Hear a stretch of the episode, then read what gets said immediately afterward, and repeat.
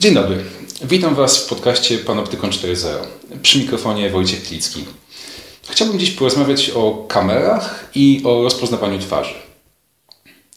John Anderton, nie wiem czy go Państwo pamiętacie, główny bohater raportu mniejszości, próbując ukryć się w Waszyngtonie w 2054 roku, czyli jeszcze 30 lat, może być rozpoznany na każdym rogu, bo kamery rozpoznają go na podstawie skanu tęczówek. E, co prawda skanery rozpoznające tęczówki nie weszły jeszcze do powszechnego użytku, ale coraz częściej kamery, do których widoku na rogach ulic, w biurach, autobusach e, zdążyliśmy się przy, przyzwyczaić, są wyposażone w technologię, która pozwala na identyfikację konkretnych osób. E, I to nie tylko w Chinach. Takie kamery monitorują przestrzeń publiczną już w 15 unijnych państwach. Do czego służą, jak działają i czy ich szerokie zastosowanie oznacza koniec naszej prywatności?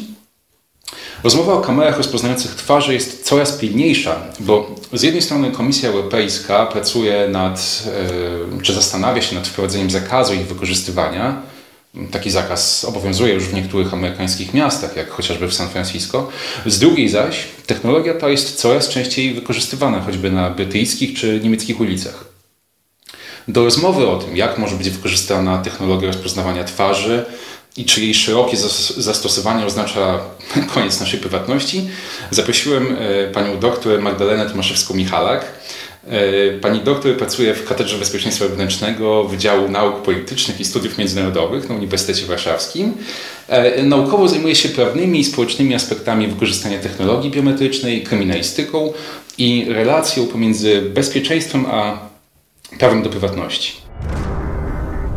Witajcie w podcaście Panoptykon 4.0. Mówi do Was Wojciech Klicki.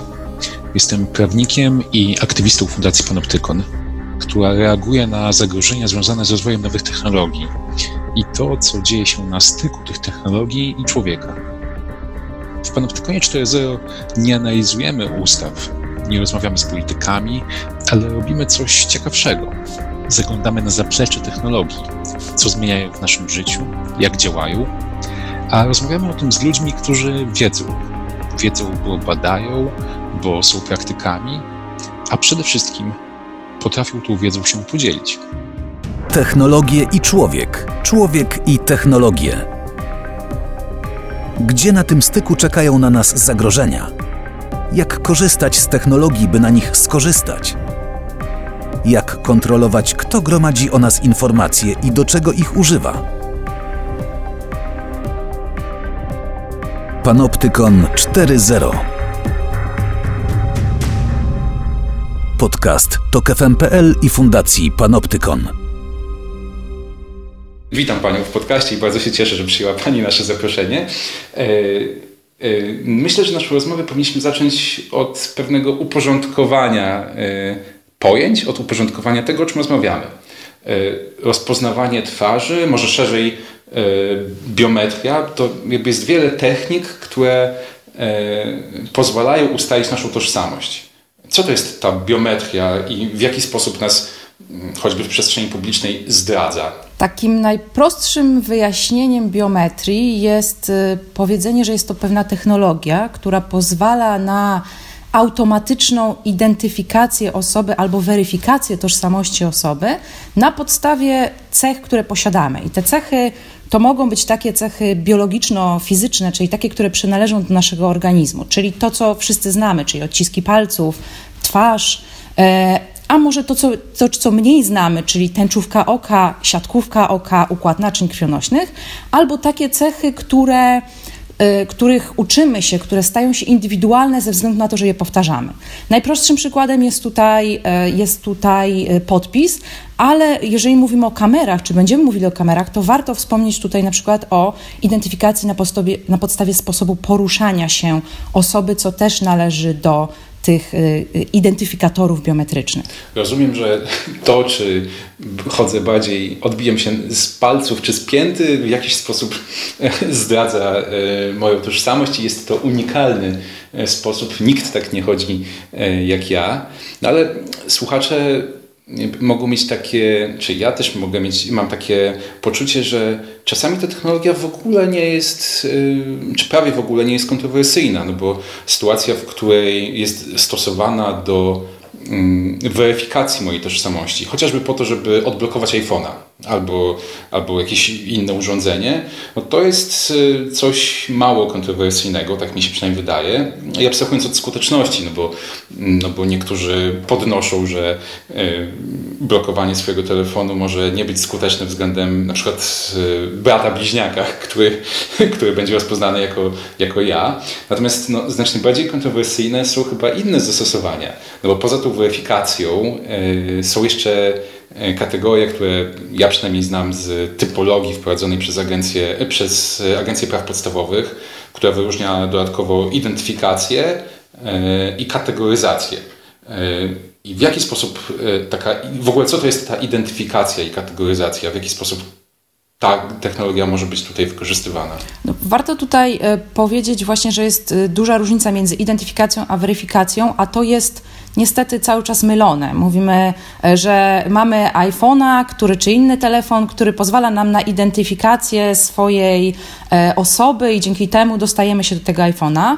Natomiast to, co tak naprawdę robimy, to jest weryfikacja. I teraz warto jest wskazać, że weryfikacja to jest po prostu porównanie jeden do jednego, a więc my w tym iPhone'ie wcześniej rejestrujemy swoją cechę, ten iPhone przechowuje tą cechę, I jak my chcemy się dostać do tego telefonu, to po prostu porównujemy naszą twarz z tym, co jest cechą czy wzorcem tej cechy zarejestrowanej w telefonie. E, ona... Czyli nasza twarz jest tutaj swego rodzaju hasłem. Tak. Tylko takim, które mamy zawsze przy sobie. Tak, nasza twarz jest hasłem, nasze odciski palców, bo, bo czasami o tym też mówimy, nasze odciski palców będą hasłem. E, ta, e, ta, ta cecha biometryczna, którą tutaj rejestrujemy, ona nie wypływa poza ten telefon. Ona znajduje się na telefonie, jest zarejestrowana na tym telefonie, nie jest nigdzie zbierana.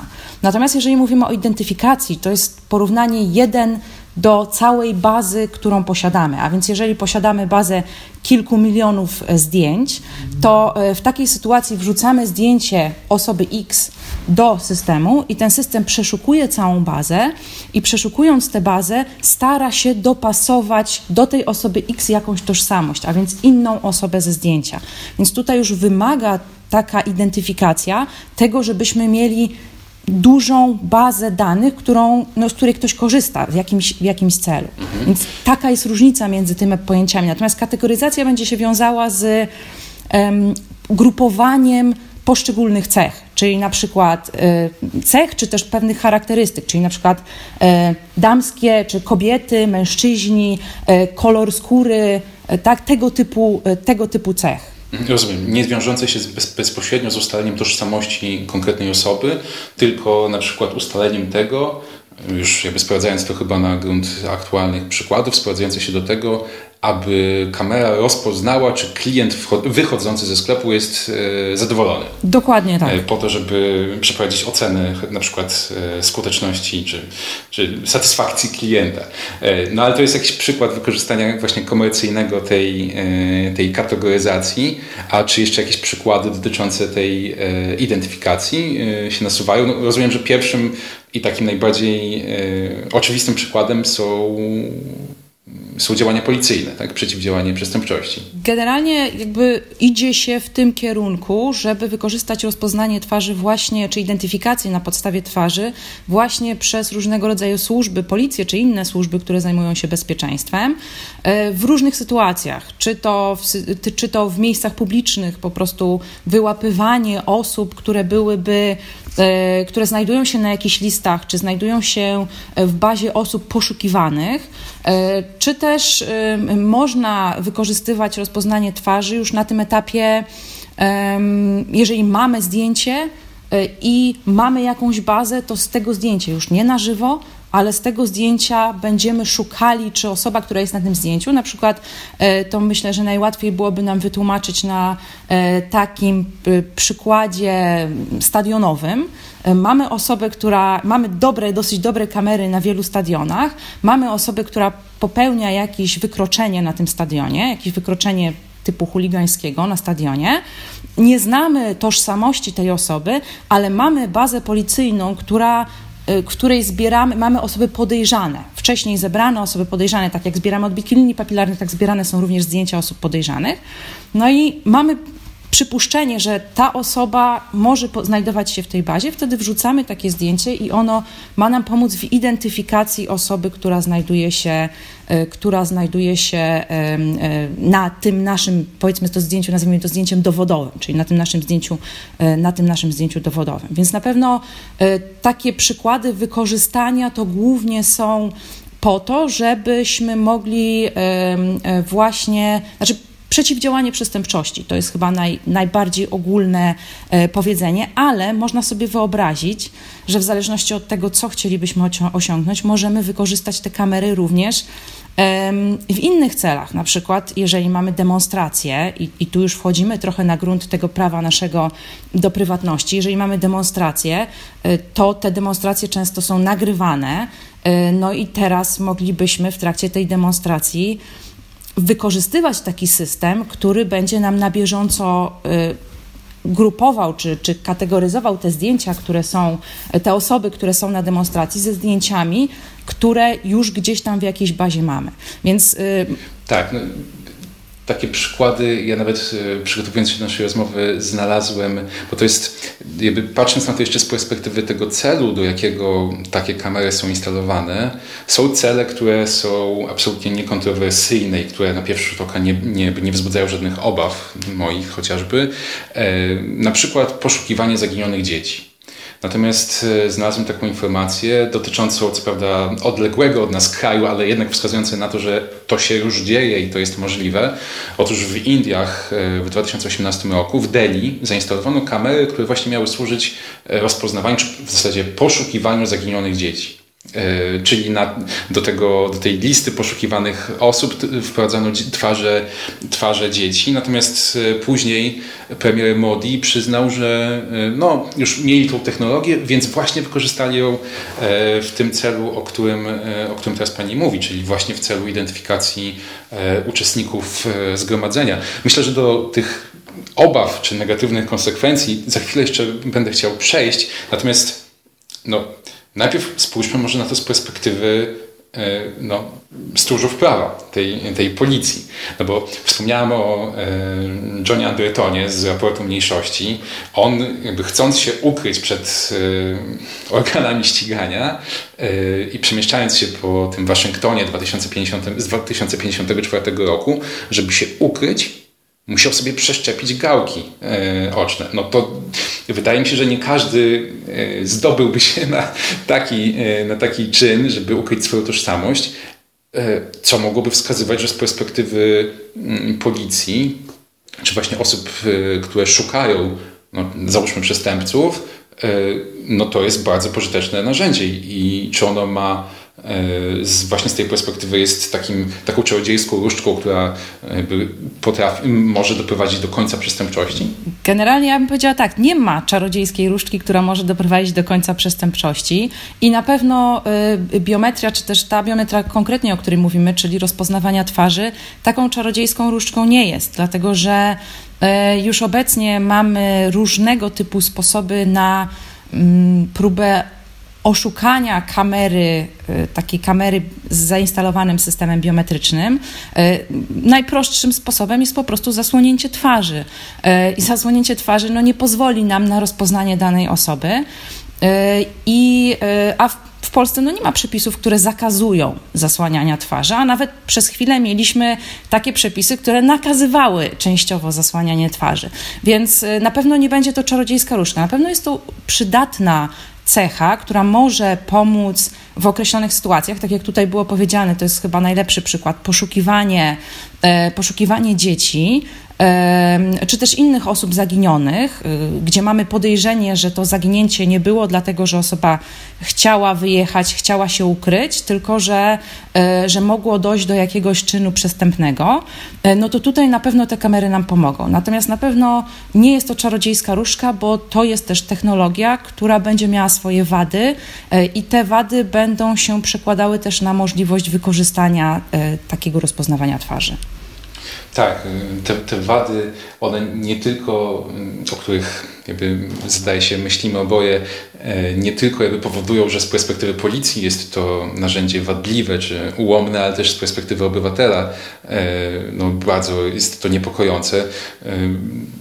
Czytaliśmy, czytałem informacje na temat eksperymentu, który został przeprowadzony na berlińskim dworcu głównym gdzie zainstalowano kamery właśnie z funkcją rozpoznawania twarzy, tylko że one były, mm, to był eksperyment, w ramach którego 300 osób zapisało się na, na taką listę, e, dało swoje twarze i przemieszczało się codziennie wiem, do pracy, czy po prostu pociągiem e, przez dworzec, e, no i byli, mieli być rozpoznawani. No i wyniki tego eksperymentu są Właśnie, i z perspektywy policji, i z perspektywy obywatelskiej niepokojące. Ta perspektywa policyjna to jest e, to, że e, kamery mm, rozpoznające twarze e, mylą się. I tu są właśnie może dwa pojęcia, które, o których wprowadzenie bym Panią poprosił, które trudno jest przełożyć na polski. Ja przynajmniej nie umiem tego dobrze zrobić, chyba. To znaczy false positive i false negative. Błąd pozytywny i negatywny. Jak pani by to wyjaśniła? E, to ja może zacznę od przełożenia, spróbowania przełożenia tego na polski, bo to rzeczywiście jest pewien problem. E, błąd e, fałszywego odrzucenia i fałszywej akceptacji. W ten sposób można byłoby to wyjaśnić, bo mówi się czasami false positive albo false acceptance i false negative, czyli false rejection rate. Tak to się, tak to się nazywa, więc dlatego może łatwiej będzie to to drugie pojęcie przełożyć na polski.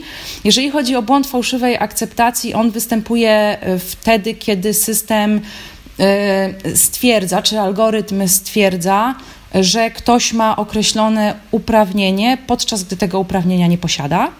E, I tu możemy, nie wiem, weźmy najprostszy, e, weźmy jakiś najprostszy przykład, e, nawet na podstawie weryfikacji, bo, bo to może być prostsze do, do przyswojenia słuchaczom, którzy korzystają właśnie z technologii biometrycznej w, w telefonie. Jeżeli loguje się, mam w telefonie system rozpoznawania twarzy i będzie się próbował zalogować mój brat bliźniak, to to będzie błąd i, on, i jemu się to uda, to to będzie błąd fałszywej akceptacji. On dostanie uprawnienie do tego, do czego uprawnienia dostać nie powinien. Natomiast błąd fałszywego odrzucenia e, będzie polegał na tym, że ja mam swój telefon, ja mam nagrane tam swoje zdjęcie, ja próbuję otworzyć czy dostać się do tego telefonu, on mi mówi, to nie jesteś ty, e, nie ma takiej możliwości, żebyś dostał uprawnienia do tego telefonu.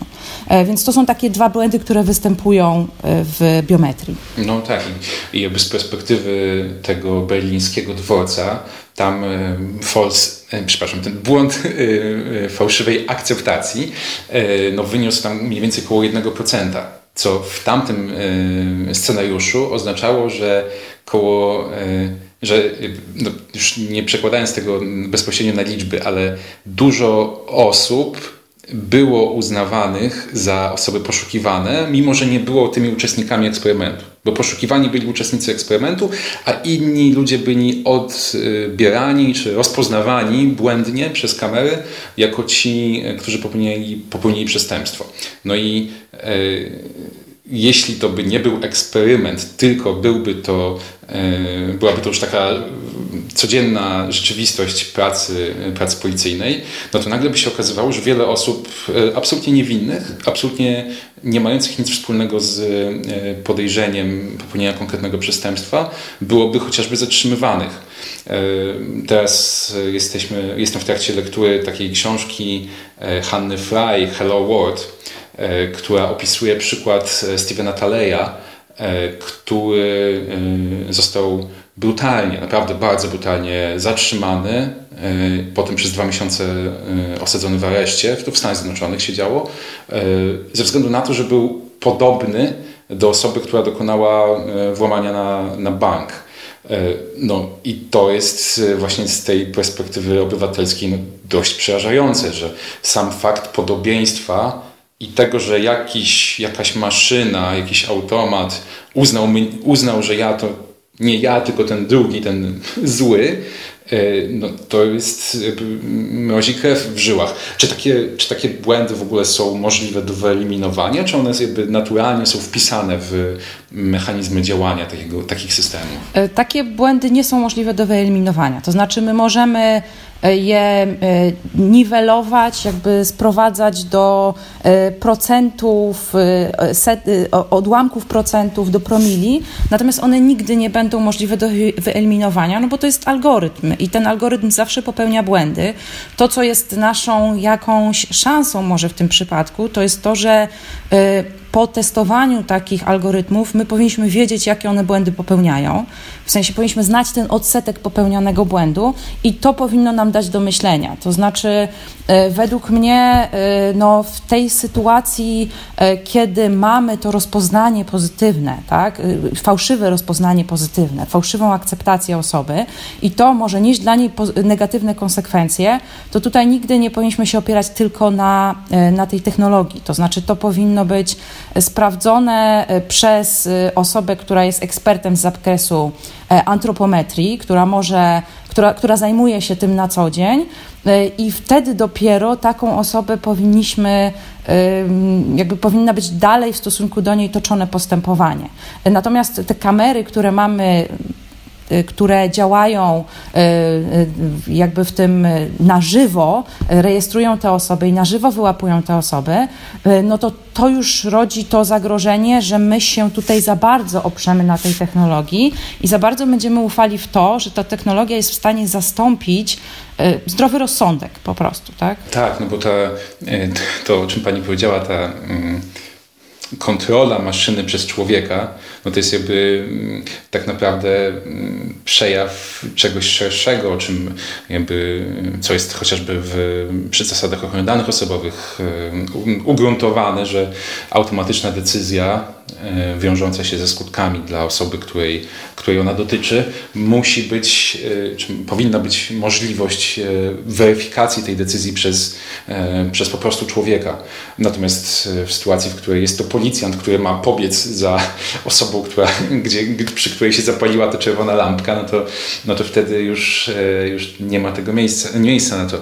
Ja pamiętam, e, kiedy czytałem jakby więcej materiałów na temat tego berlińskiego eksperymentu, tam jakby wprost było wskazywane coś, e, nad czym, z czym mierzą się autorzy tego, tego eksperymentu. To znaczy to, że im bardziej jakby doprecyzowane są informacje na temat osoby poszukiwanej, im bardziej e, tym, tym e, spada liczba jednego, jednych błędów, ale rośnie innych błędów.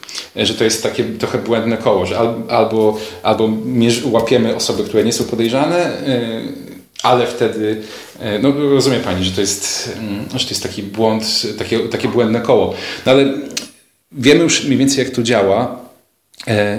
No i być może rzeczywiście czas e, skupić się na tych, e, na tych negatywnych konsekwencjach, no bo e, zaczęła Pani mówić o tych zgromadzeniach. Jakby, czy w ogóle może zacznijmy od tego, czy w Polsce, w Unii Europejskiej mamy takie technologie, które właśnie są wykorzystywane w celu, w celu nagrywania, czy, czy to się odbywa? Czy w ten sposób są identyfikowani, identyfikowani uczestnicy zgromadzeń? Yy, mówimy o rozpoznawaniu twarzy, tak? Na, yy, tak. Tak naprawdę trudno powiedzieć, bo y, mało kto y, chciałby się przyznać do tego, że robi takie rzeczy w trakcie demonstracji. Natomiast to, że są wykorzystywane systemy, są testowane systemy w różnych, w różnych y, państwach dotyczące rozpoznawania twarzy na potrzeby służb, na potrzeby, nazwijmy to, wyłapywania osób, które czy, czy zatrzymywania osób, które z jakichś przyczyn y, stanowią zagrożenie, y, czy też popełniły jakieś przestępstwo, albo jest wydany y, za nimi list gończy, no takie systemy są i takie systemy są opracowywane. Natomiast, natomiast no, w jaki sposób są wykorzystywane? No wszyscy mówią tutaj o tym, że o tym, o czym, co nie jest kontrowersyjne, czyli wykorzystywanie do e, celów poszukiwania właśnie osób, takich no, dzieci, czy, czy dzieci zawsze tutaj e, stanowią dobry PR, powiedziałabym, że poszukujemy dzieci, więc ta technologia jest potrzebna. No i też jakby tu warto powiedzieć, że rzeczywiście to rozpoznawanie twarzy, ono może być w wielu sytuacjach przydatne i też nawet z tej perspektywy policyjnej niekontrowersyjne, no bo jeżeli ten przykład, który podałam wcześniej, to znaczy po prostu wspomożenie policjantów w przeszukiwaniu bazy danych, no to, y, no to to samo robimy z odciskami palców, więc to, to nie jest do końca, to nie jest do końca kontrowersyjne.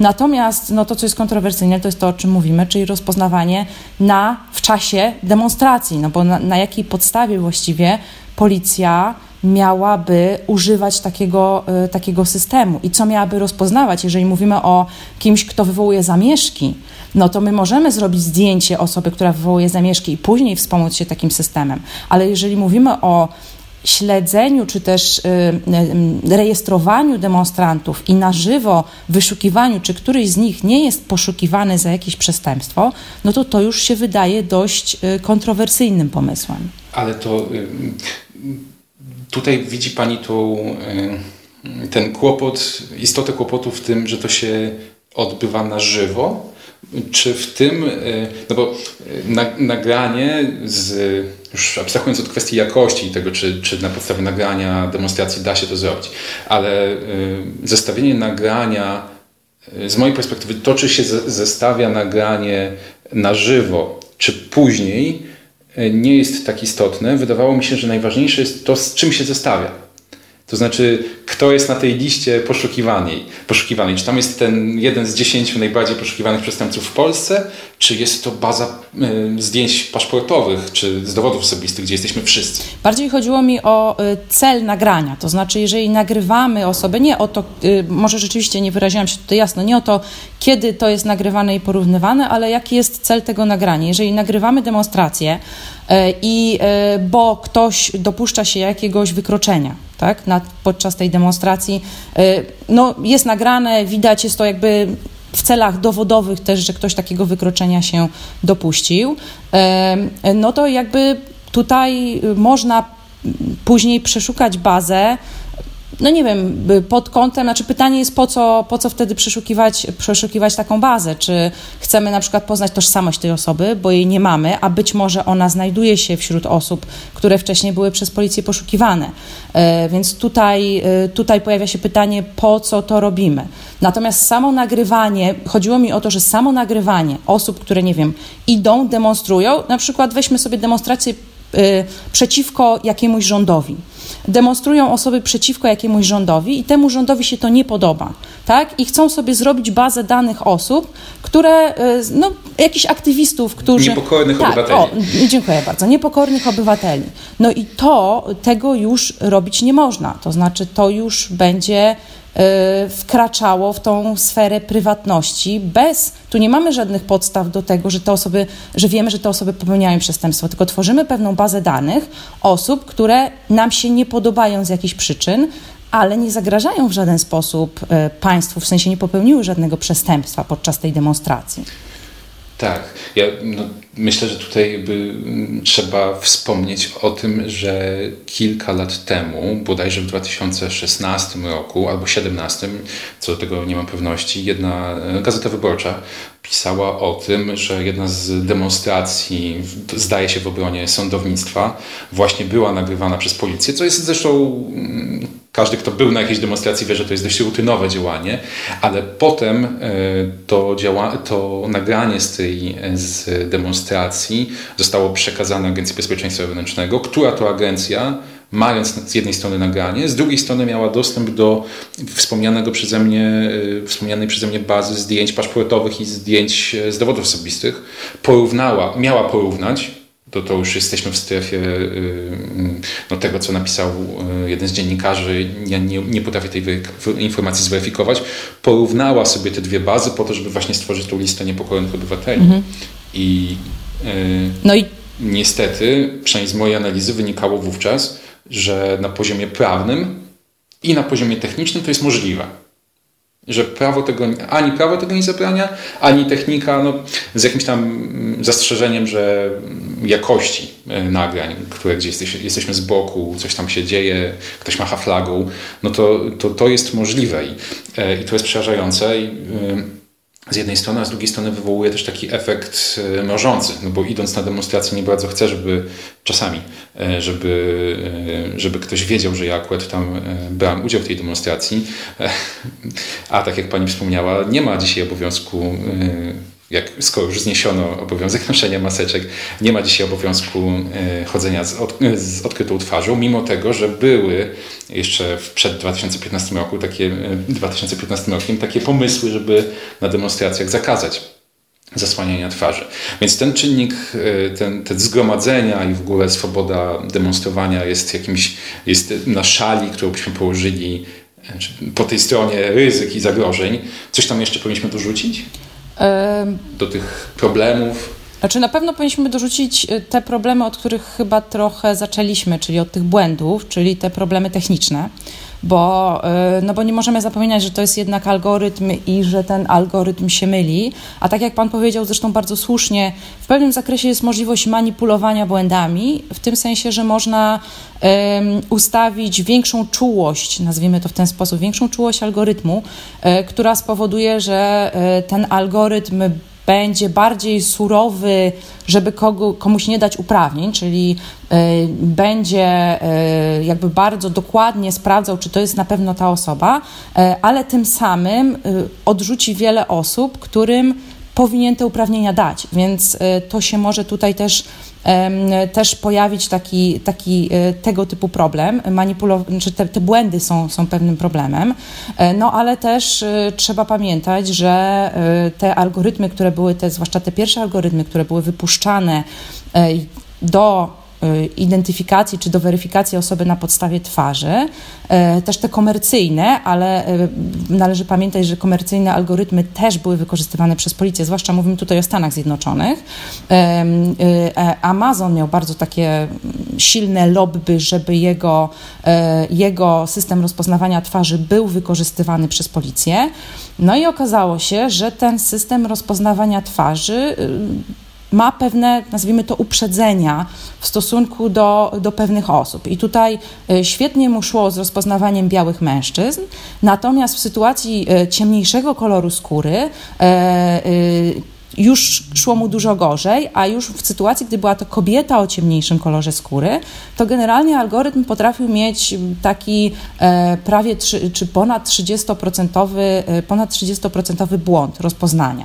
Tak? Podczas gdy biały mężczyzna 99% e, skuteczności, to tutaj już ta skuteczność tam zdecydowanie spadała. No i tu możemy sobie wyobrazić też taką sytuację, w której jednak mniejszości narodowe e, w, systemie, który został zaprojektowany dla jakichś określonych, dla jakiegoś określonego regionu, bo to są bardzo często systemy, które, które są projektowane projektowane na przykład, nie wiem, w Europie czy właśnie w Stanach Zjednoczonych e, i na ten konkretny rynek, więc e, ci, te osoby, które projektują te systemy, one też niekoniecznie z jakiegoś przeświadczenia, czy, czy robią to, niekoniecznie robią to specjalnie, natomiast e, e, czasami nie myślą o tym, że, że ten algorytm dużo łatwiej nauczył się tych twarzy, e, które miał, a ponieważ miał twarze tylko e, osób o biały, e, o jasnym, jasnej karnacji i byli to mężczyźni,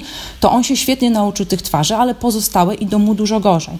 To może oznaczać, że te osoby, którym, przy których idzie dużo gorzej rozpoznanie, będą częściej zatrzymywane, bo częściej algorytm będzie mówił, że że to jest osoba, którą należy zatrzymać. Zresztą e, zrobiono takie badania, właśnie na, bazując na algorytmie, e, na algorytmie tym Amazona które były bardzo ciekawe w swoich skutkach, bo zrobione zostały na, na członkach Kongresu Stanów Zjednoczonych i pokazywały, że jakby jakby bazą wyjściową, czyli tą, z którą było sprawdzane, było, e, były ogólnodostępne zdjęcia osób, które popełniły przestępstwo, czy były w jakiś sposób poszukiwane i one były w ogólnym dostępie, te zdjęcia.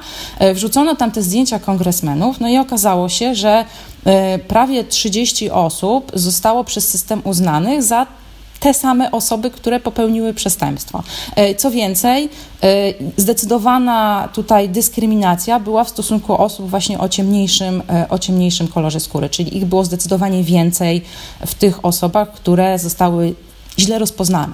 Więc to jest też taki problem. No tak. I Myślę, że tutaj warto wspomnieć e, o momencie, w którym rozmawiamy, w którym właśnie w Stanach Zjednoczonych przetarczają się e, demonstracje właśnie czarnoskórych, którzy między innymi e, podnoszą fakt tego, że są nierówno czy niesprawiedliwie traktowani przez, już tak szeroko mówiąc, przez, przez amerykańską policję i wymiar sprawiedliwości. Myślę, że to te błędy są mm, tego jakimś kamyczkiem do tego, e, do, tego, do tego ogródka. No ale to byśmy mieli tak e, z jednej strony te błędy polegające, właśnie błędy fałszywego odrzucenia, akceptacji, no, wiążącą się z tym dyskryminacją, e, tym, tą nierównością, no, które głównie dobrze, znaczy, które wynikają tak naprawdę z błędu szkolenia algorytmów i tego, że one szkolą się na takich, a nie innych bazach.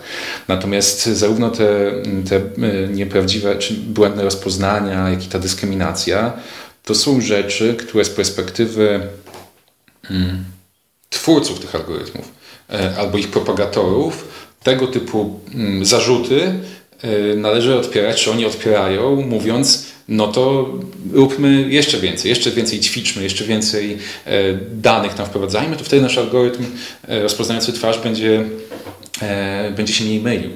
Natomiast nawet gdyby przyjąć, że ta, ten spadający procent błędów tak spada, spada, spada, że aż się zbliża do zera, no to jak rozumiem nigdy tego, e, tego zera nie osiągnie i zawsze może się pojawić ten wspomniany przeze mnie Steve, e, ten opisywany przez e, Hannah Reich w Hello World Steven Tully, który gdzieś tam jednak zostanie zatrzymany, bo jednak to się do zera nie zbliżyło. No a poza tym są chyba te argumenty, o których wspomnieliśmy, czyli chociażby zgromadzenia, których nie da się wyeliminować. Czy jeszcze jakieś są problemy związane z właśnie rozpoznawaniem twarzy, e, zwłaszcza takie, których, e, e, które nie wynikają z konieczności doskonalenia się algorytmów i sztucznej inteligencji, tylko już są jakby związane z istotą działania tego, tych systemów chociażby w przestrzeni publicznej?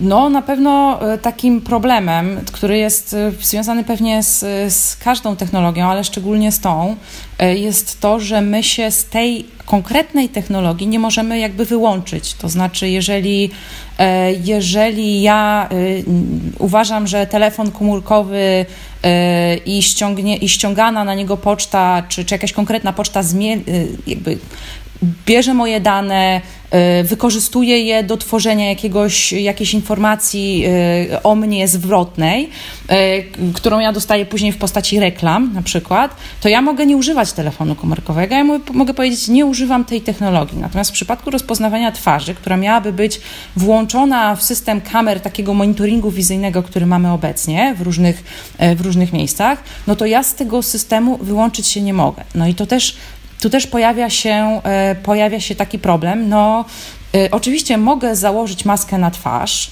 e, ale tu, tu też jest ciekawostka taka, jeżeli mówimy o tych maseczkach, które teraz przez pewien czas musieliśmy nosić, to już naukowcy zaczęli zbierać bazę danych, nową bazę danych, zdjęć z Instagrama, gdzie osoby robiły sobie tak zwane selfie w maseczkach i zaczęto zbierać te, te, te zdjęcia.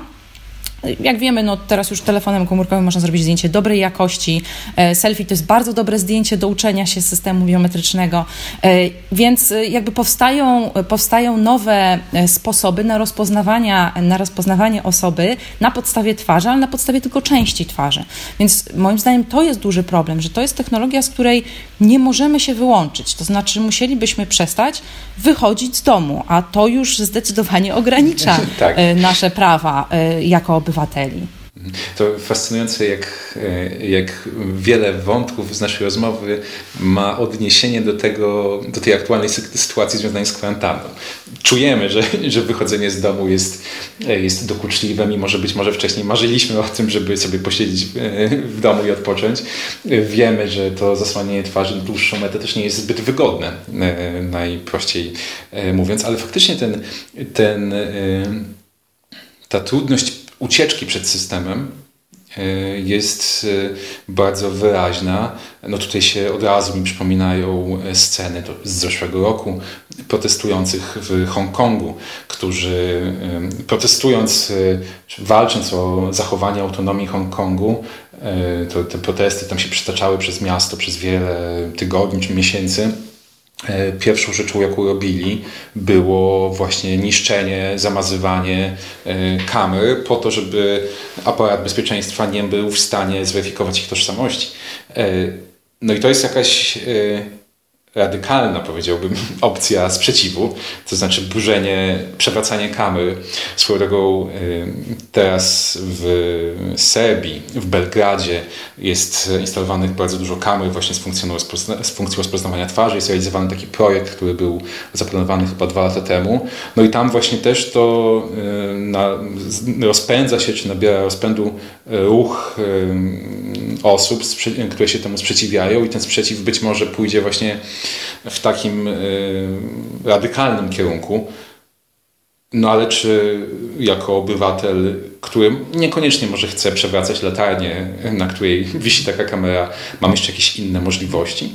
No, zawsze pozostają y, możliwości prawne tak naprawdę, bo wykorzystanie systemów, czy jakiejkolwiek technologii, czy, czy jakichkolwiek danych, może powiedzmy to tak, bo to należy przełożyć na, na nasze dane osobowe, e, no musi się wiązać e, z jakąś zasadą celowości, zasadą proporcjonalności, to znaczy z pytaniem, czy e, w takiej sytuacji to nazwijmy to, to bezpieczeństwo obywateli, no bo jeżeli mówimy o wykorzystaniu tego w kamerach takich e, przy monitoringu też wizyjnym, no to, no to tu się po, podkreśla, że to jest bezpieczne, tak? że to pozwala wyłapać osoby, które ewentualnie są niebezpieczne dla społeczeństwa. Czy to jest, e, jakby stoi w, zgodzie z zasadą proporcjonalności w stosunku do tej prywatności, którą mamy?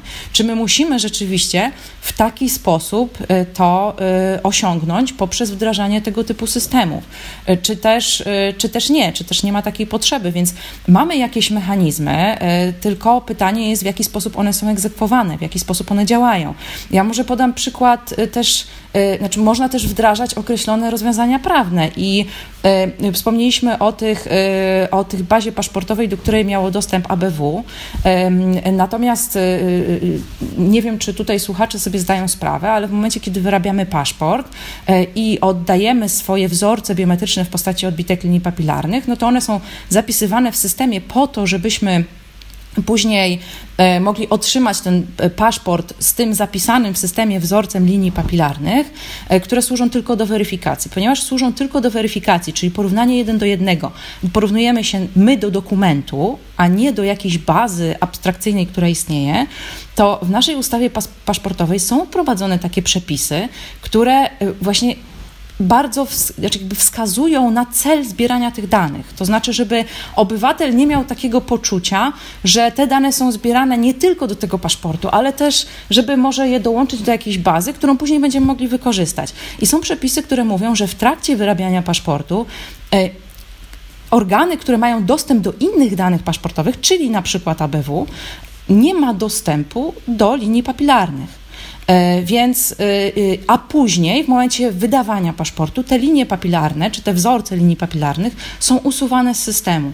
Więc możemy sobie wyobrazić wprowadzenie takiego prawa, które pozwalałoby oczywiście na wykorzystywanie technologii biometrycznej, tak jak mówimy, czyli nie wiem, do poszukiwania dzieci, do przeszukiwania baz danych w celu wspomożenia działania policji, ale które by zwracało uwagę, czy, czy, czy wręcz zakazywało wykorzystywania takiego urządzenia do masowego, e, na przykład podczas demonstracji. Tak? Że no jakby albo kazuistycznie, albo kazuistycznie to zawsze jest niebezpieczne, albo w jakiś sposób zakazywało po prostu wykorzystywania, tak jak jest, e, tak jak jest tutaj Pan wspomniał wcześniej w San Francisco, czy w innych e, Stanach, czy, czy, czy w innych miastach w, w, w Stanach, w których po prostu zakazuje się wykorzystywania rozpoznawania twarzy przez y, y, policję czy też y, inne służby właśnie takiego rozpoznawania, jakim my mówimy, na przykład dołączenia tego rozpoznawania twarzy do tego, co my nazywamy kamerami nasobnymi, tak? czyli tymi noszonymi przez policjantów. Tak, to bardzo ciekawy trop z tym prawnym, ale takie, jeżeli dobrze zrozumiałem, nie tylko prawnym, ale w gruncie rzeczy technicznym ograniczeniem możliwości dostępu do danych, w tym wypadku, o którym Pani mówiła, linii papilarnych.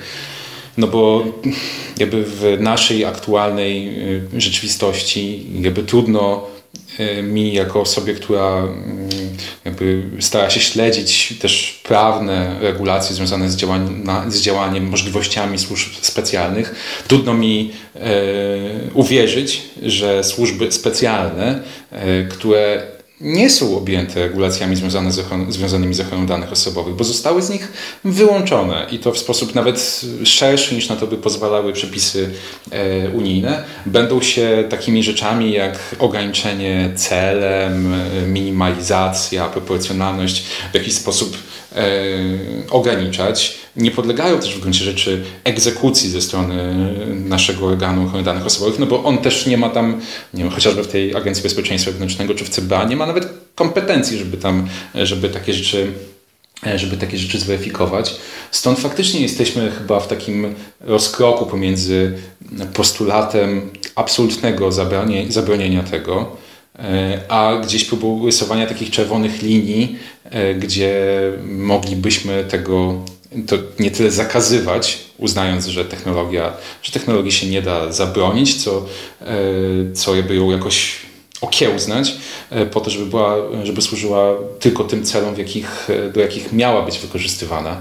O, jeszcze takim, e, taką rzeczą, o której chyba warto byłoby wspomnieć, jest coś, co jest z mojej perspektywy gdzieś tak pomiędzy działaniami powiedzmy wokół prawa, a działaniami takimi yy, związanymi nie wiem, z burzeniem, niszczeniem kamery. Mianowicie jest bardzo dużo projektów takich wręcz artystycznych, pokazujących e, co można założyć na twarz, e, jakąś maseczkę, coś, e, żeby, ten, żeby te, te systemy oszukać.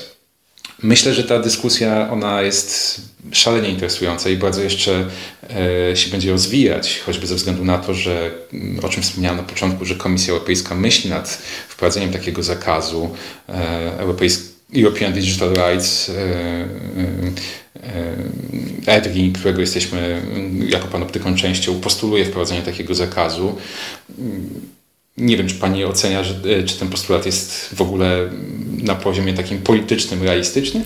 Trudno powiedzieć. To znaczy, ja bym chyba jednak się przychylała w tę stronę taką, że nie, że, znaczy, że, że to nie jest realistyczny postulat, żeby zakazać E, stosowania e, tego typu środków.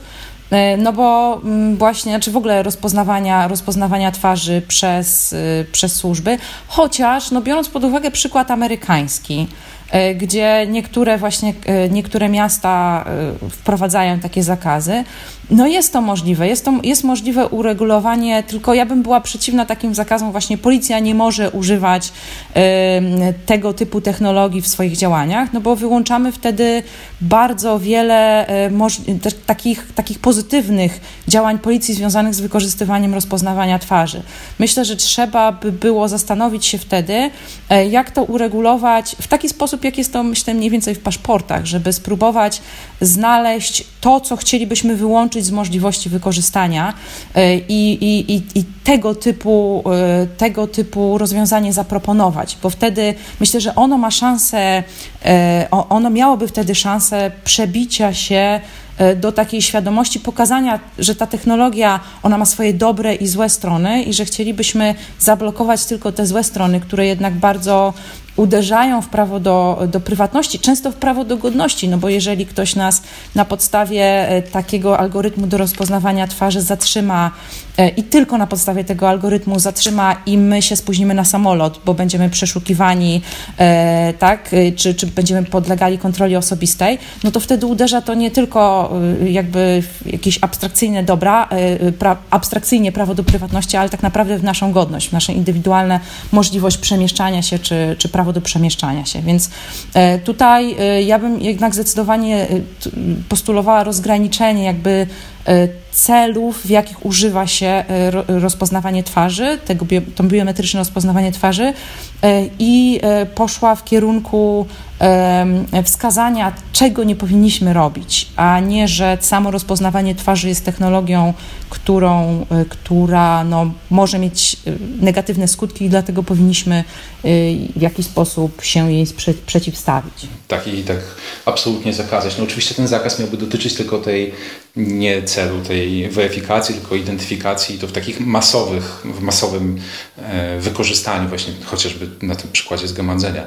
Ale to zostawia mnie i myślę, że słuchaczy z, taką, z, taką, z takim poczuciem, że e, jest tutaj nad czym się zastanowić, bo jak zwykle technologia ma swoje e, ciemne i jasne strony. Być może tutaj te ciemne przeważają, e, stąd ten pomysł na wprowadzenie zakazu. No ale wszystko jest kwestią przyszłości. Komisja Europejska właśnie kończy pierwszą turę konsultacji swojej, swojej białej księgi dotyczącej sztucznej inteligencji, w której właśnie ten pomysł czy, mm, czy kwestia ewentualnego zakazu rozpoznawania twarzy e, się pojawiła. No, tymczasem ja bardzo dziękuję e, za rozmowę. Moją e, gościnią była pani doktor Tomaszewska-Michalak. Bardzo dziękuję. Ja się nazywam Wojciech Klicki. No i mam nadzieję do usłyszenia w następnym podcaście Panoptykon 4.0. Technologie i człowiek. Człowiek i technologie. Gdzie na tym styku czekają na nas zagrożenia? Jak korzystać z technologii, by na nich skorzystać? Jak kontrolować, kto gromadzi o nas informacje i do czego ich używa? Panoptykon 4.0